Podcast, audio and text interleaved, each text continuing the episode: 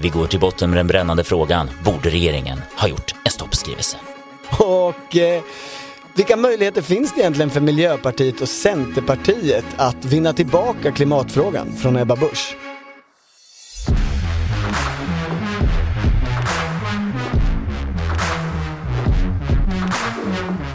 Det här är Politiken med Torbjörn Nilsson. Och Henrik Torehammar. Alltså, går in med en härligt såsig känsla. Det är ju i princip så att du och jag kommer direkt från Expressens kulturfest. Kan vara en överdrift om vår förmåga till efterfest men eh, du var ju på efterfest, eller? Nej, det var jag inte. Men jag hade bara känslan, det, det, det var kul att småbarnsföräldern fick ge sig ut och, och, och träffa folk och sen så tänkte jag ändå så här, det här är ju ett jättegeggigt elitmingel, men nu tar vi chansen och lever det på det bästa sättet. Var är politikerna?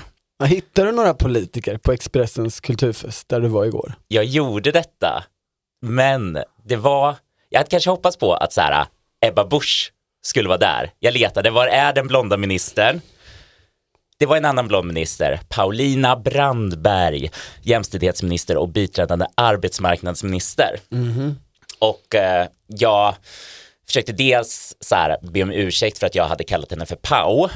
Eh, och det här var ju som att Maggie missförstod det så här, trodde, varför pratar du om den här liksom bloggaren, influencer-personen, Paulina Danielsson? Jag bara, nej, Paulina Brandberg kallar sig själv Pau på Twitter. Ja, men Pau. jag förstår inte hur, varför du behövde be om ursäkt för det, för det har ju hon kallat sig själv. Ja men att jag drog upp liksom och typ att gjorde någon sorts liksom sammanblandning dem emellan och hennes pressis var bara så här, vilket poddavsnitt sa du att du har sagt det här? Och jag kände så här, okej, det här blir lite fel, så då försöker jag snabbt byta till något mycket lugnare. Jag bara, fina kläder du har på dig. Var, var, liksom, måste du köpa mycket fina kläder för att gå på sådana här event? Som bara, så här, mm, jo, men det, man får ju köpa lite sådär. Jag bara, eller går du direkt till Ebba och får lite så här, tips, stiltips? Får du lite så här typ gratis kläder från någon kedja, vill jag ju fråga. Men då märkte jag så här, här, här var Paulina Brandberg inte. Hon bara så här, ja nej men Ebba har ju alltid fina kläder och sådär. Och sen så jag bara, men vilka är det annars då? Du, liksom, du inspireras, är det någon som är en förebild? Är det, Lotta Edholm? Är det Lotta Edholm? Hon bara, vet, vet du vem som är stilig? Det, är- det, det är det här som kallas ledande frågor, är det inte det? Det var inte en bra intervjuteknik på det sättet Men- kanske.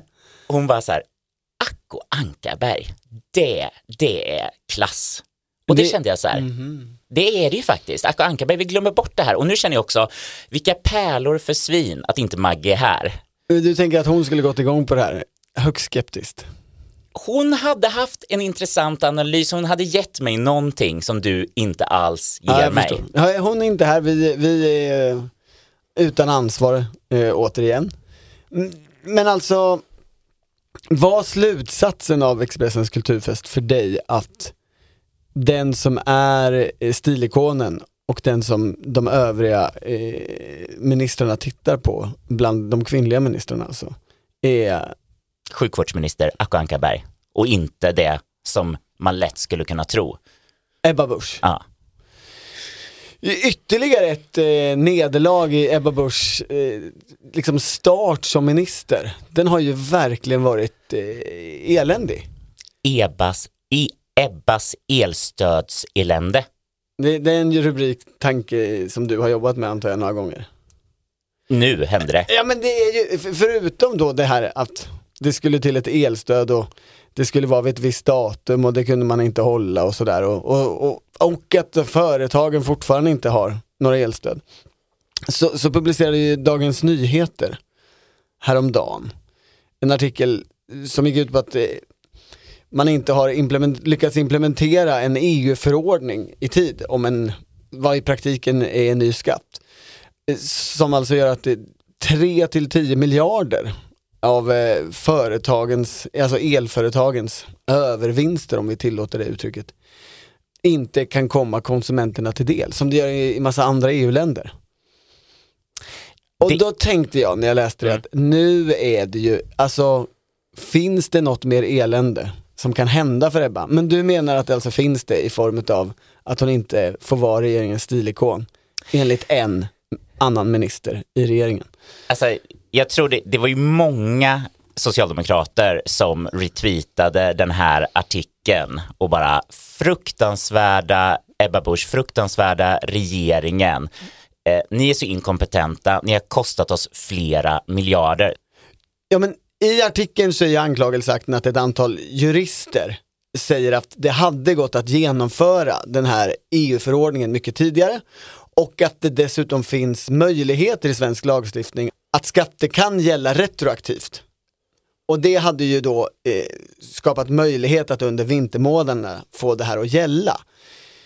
Eh, det moderata finansdepartementet, för det här är ju ytterligare en spännande sak i det. Den som får stå med Nuna eh, och bild och ha problem med det här är ju Ebba Busch. Men eftersom det är en skatt så är, eh, all lagstiftningsarbete sker ju på eh, finansdepartementet. Så det är egentligen Svantessons fråga. Och där säger man ju att det här satte igång redan under förra regeringen. Man klankar inte riktigt på förra regeringen, det är ovanligt. Eh, utan man beskriver hur de egna experterna på finansdepartementet gjort bedömningen att det måste införas den här nya skatten och att lagrådet har hållit med om det. Och att man sen har liksom varit jätteduktiga på att förkorta tiden för att den här lagen ska komma fram och att den nu ska på plats eh, första mars. Och här kommer vi in på det som egentligen är bråket. Socialdemokraterna tycker att borgare är dåliga på att regera.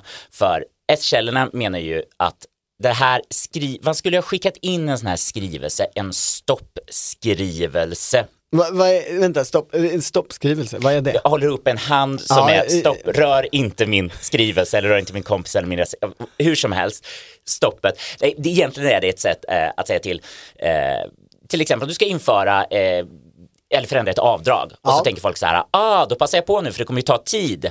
Beredningskravet som finns i grundlagen ah, måste upprättas, mm. måste uppfyllas. Eh, då kan man säga så här, vi kommer komma med en ny lag, så det här genom att vi säger till till riksdagen, då gäller de nya reglerna redan härifrån. Från detta datum då vi säger till? Ja, precis, utan mm. att vi liksom har fått till alla grejer på sättet. Och då hade vi kunnat liksom dra igång det här, kanske inte i december, men i alla fall i januari eller någonting och då ja. hade vi fått in mer dyra vintermånader så vi kunde ha tagit de här övervinsterna som oftast är glosan som används. För det är ju ett ytterligare dilemma i den här diskussionen. Alltså hur mycket pengar kan den här nya skatten egentligen generera? Eh, i, DN-artikeln så, så eh, har man ju räknat ut med hjälp av experter att det är mellan 3 och 10 miljarder. Men det här moderata finansdepartementet säger, fast de inte har skickat fram någon att svara på Dagens Nyheters frågor riktigt, eh, att det handlar snarare om några hundra miljoner. Och det är ju en viss skillnad eh, däremellan. Och det beror då, eh, menar Finansdepartementet, från, på en liksom skillnad vi har i Sverige från många EU-länder, att vi har de här flaskhalsavgifterna som liksom redan där omfördelar pengar från företag till, som det blir nu med elstöden, konsumenter. Eh, och att det liksom inte finns så mycket kvar att beskatta helt enkelt. Precis, att de har liksom redan kommit in i systemet eh, och alltså det finns ju den här politiska kritiken, eh, att S menar man, man skulle mycket väl kunna gjort det här om man bara liksom hade varit lite aggressivare, om man hade haft drivet om de här lite vaga formuleringarna. Om man inte hade varit sådana amatörer. Ja. Det är väl vad de vill säga. Ja, och det, då intressant då så skickar ändå regeringen fram finansrådet Niklas Ekstrand, opolitisk tjänsteman, som får förklara att nej, men vi, man kan inte göra en sån här eh, skrivelse för det, liksom enligt prejudikatet så var inte det här en, det fanns inte sådana särskilda skäl. Så eh, man visar ju från regeringens sida att så här, nej, men vi, vi lyssnade på experterna. Ni vill väl att vi ska lyssna på experterna? Och då kommer vi ju in i det här nästan filosofiska. När ska man lyssna? När ska man leda eh, en regerings... Eller på den klassiska frågan, är det så att socialdemokrater bara är bättre på att skita i regler eller runda dem? Vet att strunta i den här opolitiska jättekorrekta tjänstemannen. Alltså, eh, för, förutom att så här, M-källor sa så här, ja det är någon sorts liksom så här Goldilocks eh, zone-jakten på liksom, vad är det perfekta avvägningen och visst kanske finns någonting med erfarenhet att typ när ska man lyssna eller inte lyssna. Men så var de så här, bara, så här när exakt har sossarna varit så jävla duktiga på det här och skynda på lagstiftning? När exakt menar de att de har varit så himla bra? För, Jag tror de skulle säga pandemin. ja, då så säger de så här, då säger alltså regeringen igen, det var ju oppositionen som drev på allt det här, så sluta och håll på oppositionsoppositioner med det här grejen. Det, det som är roligt är ju om man drar så här, var, men varför är liksom, om det inte bara handlar om eh, amatörmässighet versus några som har skills, att sossar tänker så här, vi gillar att ta pengar från företag. Det gillar inte moderater. Det är därför det finns ändå något ideologiskt Ah. och också att egentligen som det här förslaget utformas så blir det också i praktiken en effektskatt på kärnkraft för att vatten eh, kraft är undantaget i det här och det Mm, finns särskilda skäl. Och då, då liksom att man någonstans kände så här, åh nej, vi har ju liksom varit så mycket emot det här med just effektskatt på kärnkraft och nu ska vi alltså införa det, för det fanns en sån grej. Och allt det här är ju Moderaterna så här, gud vad de håller på och nästan uppfinner en konspiration för att det här var en EU-förordning som du sa, den ska införas. Det är liksom, vi har försökt skynda på det här så mycket som möjligt. Så jag, jag tänker inte så mycket på det när, när, när jag ser händelsernas utveckling nu. Jag, jag tänker mycket mer på eh, Kristdemokraternas trianguleringssuccé.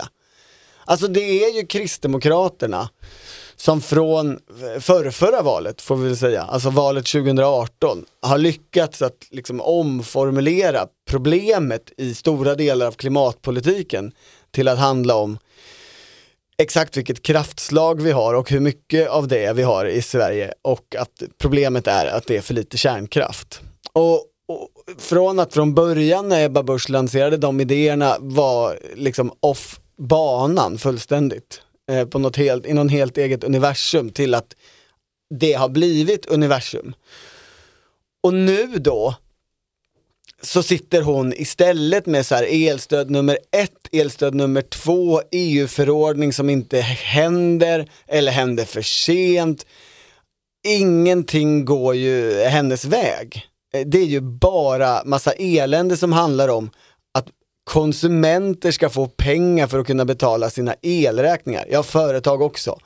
Och inte en fråga om kärnkraft är fantastiskt. Eh, den här andra kraften ni håller på med, stålskogar och vad det är, det ska vi inte ha. Alltså hon har ju ingen politisk konflikt som, som genererar någonting längre. Hon sitter fast i skiten helt enkelt. Jag undrar om det här glädjer två partier som verkar väldigt arga på, kanske inte just Ebba Busch, men i alla fall högerns triangulering i klimatfrågan. Denna del innehåller sött och salt. Sött och salt. Och salt. Introducing Wondersuite from Bluehost.com. Website creation is hard, but now with Bluehost, you can answer a few simple questions about your business and get a unique WordPress website or store right away. From there, you can customize your design, colors, and content. And Bluehost automatically helps you get found in search engines like Google and Bing. From step-by-step guidance to suggested plugins, Bluehost makes WordPress wonderful for everyone. Go to bluehost.com/wondersuite.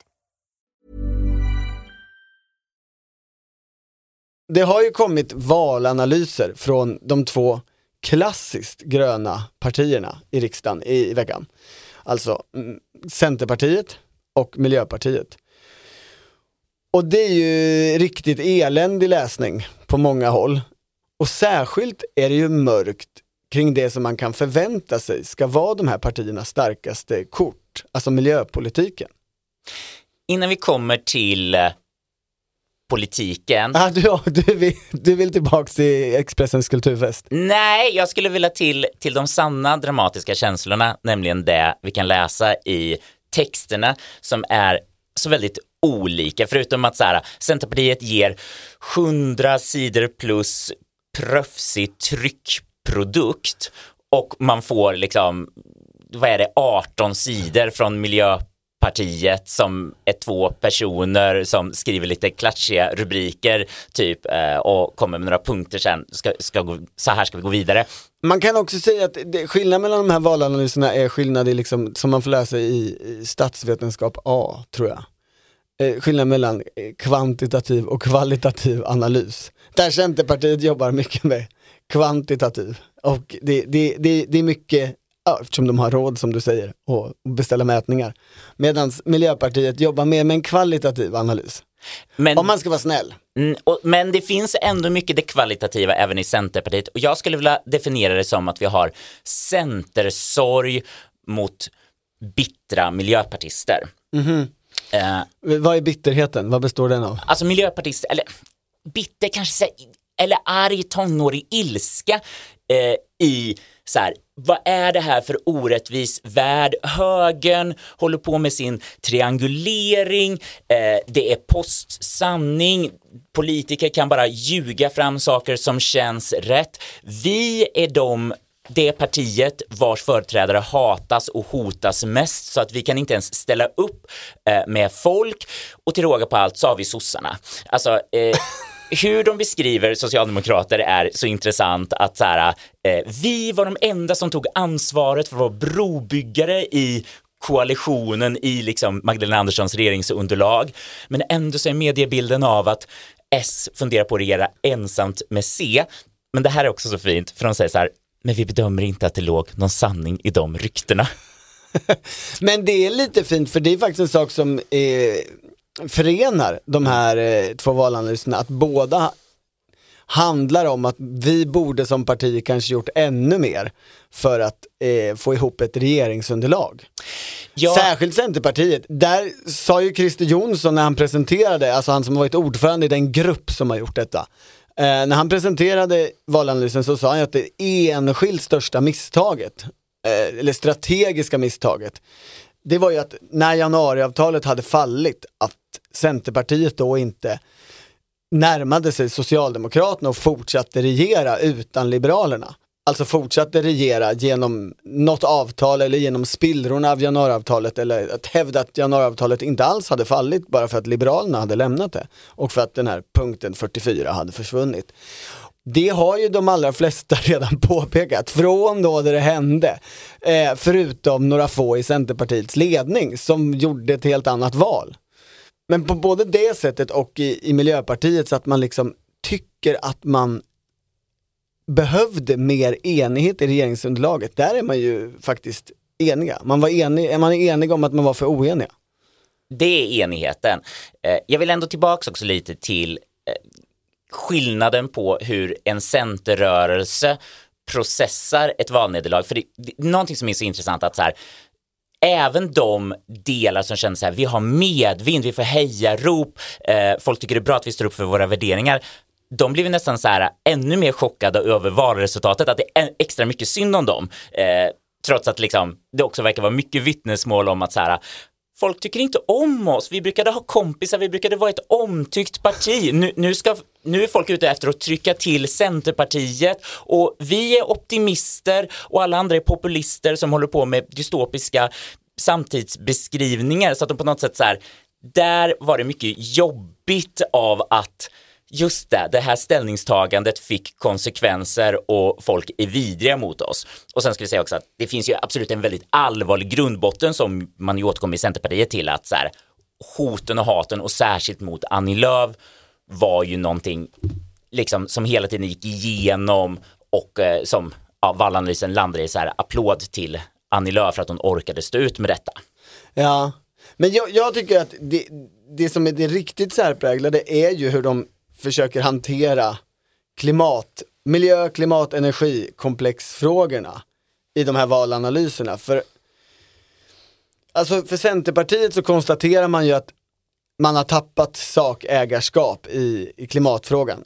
I förra valet så var man tydligt tvåa, nu eh, är vi i mitten och, och skvalpar runt i eländet eller har egentligen inga siffror alls. Och sen har man ett, ett fint diagram som är de viktigaste valfrågorna bland de som övervägde Centerpartiet. Och då har man en, eh, en kategori som är miljö och klimat. Och då liksom har de visat på, det här är de som har övervägt att rösta på Centerpartiet. Och så har de en stapel för de som har gått åt höger och inte röstat på Centerpartiet och sen för de som gått åt vänster. Och bland de som då tyckte att miljö och klimat var viktigt så är det ju då jättemånga av de som har gått till vänster som tyckte miljö och klimat var jätteviktigt. Och så tittar man på en annan kategori som heter energi. Och då är stapeln liksom tvärtom. Då är det jättemånga som har gått till höger eh, som tyckte att energi var viktigt. Och i, i Miljöpartiets valanalys så skriver man så här. Klimat och miljö var inte en tydlig konfliktfråga i valrörelsen. Men ganska snart så skriver man, istället låg tonvikten på kärnkraften som högersidan framgångsrikt triangulerade som löse, lösningen på allehanda problem. Och jag bara, men om ni envisas med att särredovisa miljö och klimat som en sak och energi som en annan sak, då går det ju överhuvudtaget inte analysera problemet som var för de här partierna i valrörelsen. Nämligen att klimat och energi blev en och samma sak. Det, det, det, jag, jag, förstår inte hur de ska, ska förstå den nya klimatdebatten. Om de, om de inte liksom tar in att detta blev en och samma sak. Att man måste nästan köpa Ebba Busch eller Kristdemokraterna eller högerns problemformulering att miljöpolitik blir klimatpolitik, blir energipolitik, blir egentligen kärnkraft. Nej men man måste inte köpa problemformulering men man måste ju utgå från att den existerar. Och eh, frågan som ställer sig när man har läst båda de här valanalyserna är ju vad ska de här två gröna partierna på olika sätt historiskt kärnkraftskritiska, mm. vad ska de göra för att bända om problemformuleringen eh, och liksom få tillbaks det till deras planhalva eller fördel. Fullständig frånvaro på förslag kring detta. Båda pekar ju ut att det är stora problem. De är alltså gröna partier som har losat de gröna frågorna. Nej, säger du då. Ja. Nej, för frågar man om sakfrågeägarskap så ligger de fortfarande högt i miljö och klimat. Ja, men vad mm. är ens miljö och klimat? Vad betyder det? Det betyder ju ingenting längre. Miljöpartiet säger ju, åh, vi, vi, går fram här, vi stärker vårt sakägarskap, eh, vi är jättenöjda med detta. Jag tycker det är intressant ändå att eh, ett miljöparti som skulle, vissa har argumenterat så här, satsa mer på klimatfrågan, det här är vår stora ödesfråga, ja. fokusera på det. Strunta i flyktingar, rättvisa och annat. Ja, ja. och sen så landar man ändå i eh, valanalysen, vi behöver stärka förtroendet för att Miljöpartiet har lösningar på samhällets alla utmaningar. Det är mm. viktigt för att fler ska känna att Miljöpartiet är ett alternativ. Man vill verkligen inte uppfattas som en fråga och framförallt inte glömma bort liksom, de olika benen för att ibland kan ju klimatfrågor och eh, till exempel biologisk mångfald krocka. Ja. Eh, så mm. det, det, det, vill man vara liksom breda, men på något sätt som att miljöpartisterna, eh, de, är så, de är så säkra på att äga detta och då tänker jag, har inte Centerpartiet en möjlighet? De låg ju högt på miljöfrågan, eh, att de ska kunna komma tillbaks och, och vinna i den frågan. För nu blir det väldigt stämmostämning här. Alltså jag, centerstämma? Ja, du? jag går tillbaks till Helsingborg och analyserar klappandet och hurrandet till salen när herren Demirok presenterade de här fyra prioriteringarna. Jag tyckte när han kom till klimat och miljöfrågan att det jublades lite extra mycket, att på något sätt, där i alla fall centerpartisterna sugna på att här ska vi visa framfötterna den här fighten vi vill ta och vi vill ta den mot ja, den nuvarande regeringen. Ja men så är det ju, alltså i meningen att partister, mm. medlemmar i Centerpartiet har ju en mycket starkare känsla av att det är ett grönt parti, ett miljöparti än vad gemene man har.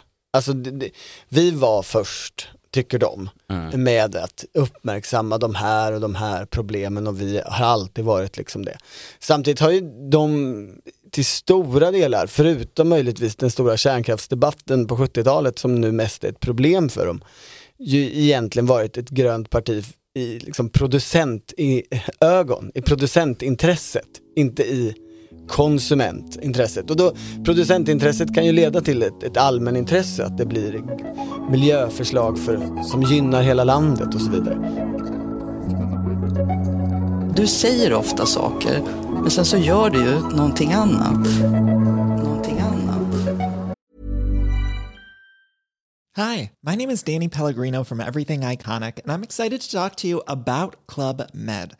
Club Med operates beach and mountain resorts and is the best all inclusive getaway for families. They have Club Med Punta Cana, their flagship family resort, and many other options in Mexico, the Caribbean, and around the world. Club Med are the pioneers of the all inclusive concept, which is the best way to vacation. Great for families, groups, or even solo travelers looking for land and water sports, delicious food, and a place to make unforgettable memories. Visit clubmed.us, call 1 800 Club Med, or your travel advisor.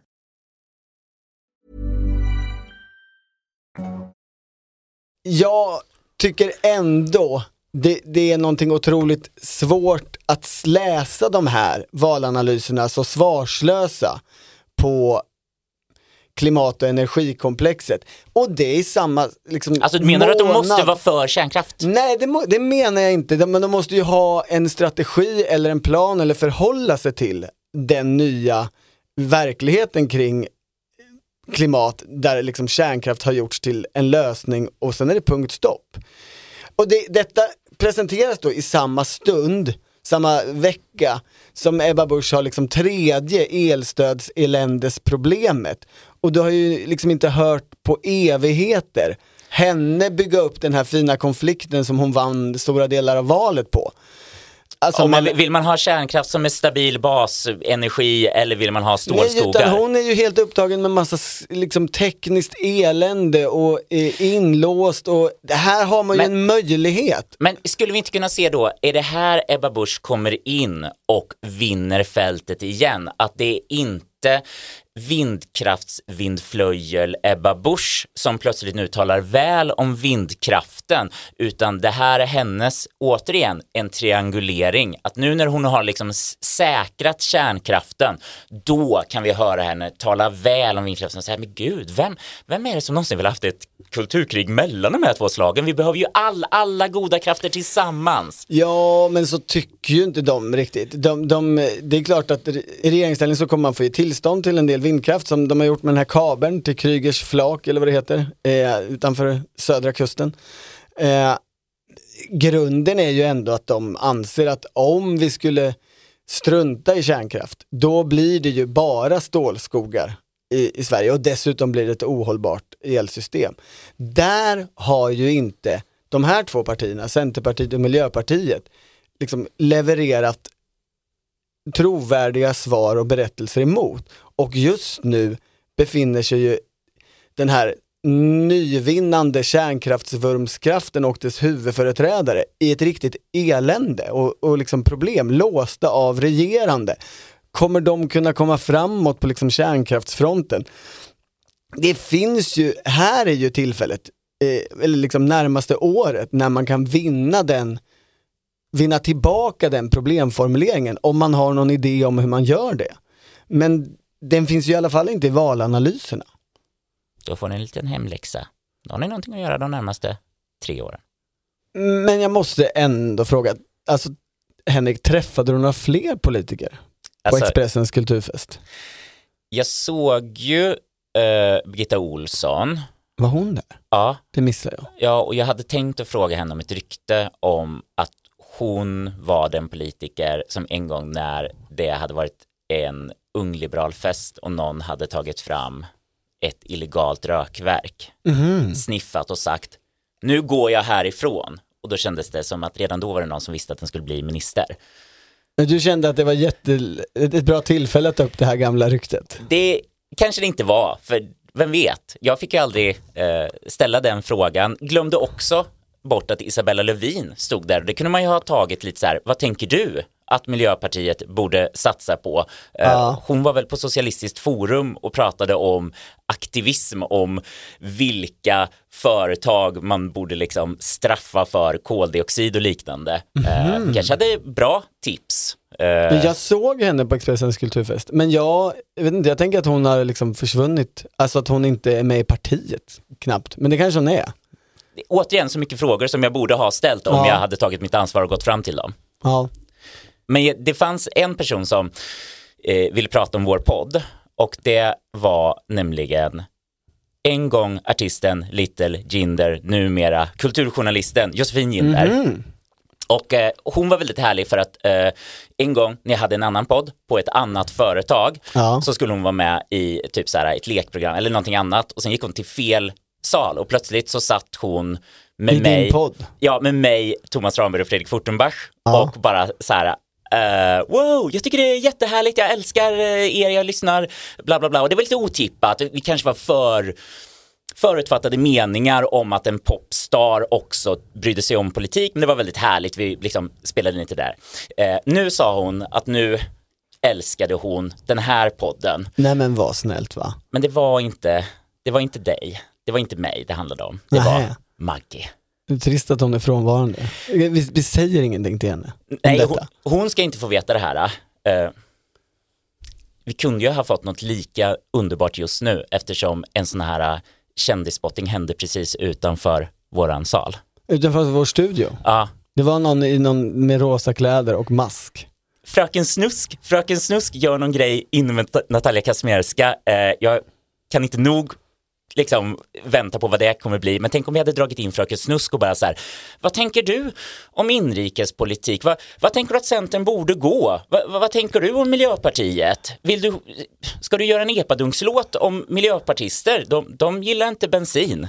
Det var för dyr bensin när jag stod och skulle tanka min bil Och kanske bara fått igång någonting. Ja, ja. Nej, visst. Bra idé. Jag springer ut och ser. Hon är kvar.